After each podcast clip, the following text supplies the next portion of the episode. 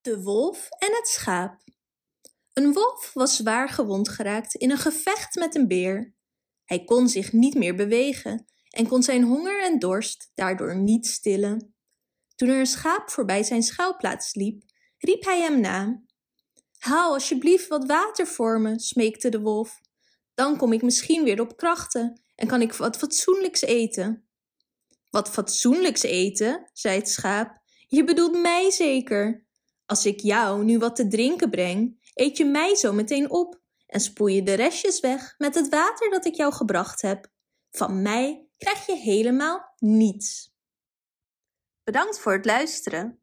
Wist je dat je dit verhaal ook op onze website ririro.com/nl kunt lezen, downloaden en printen?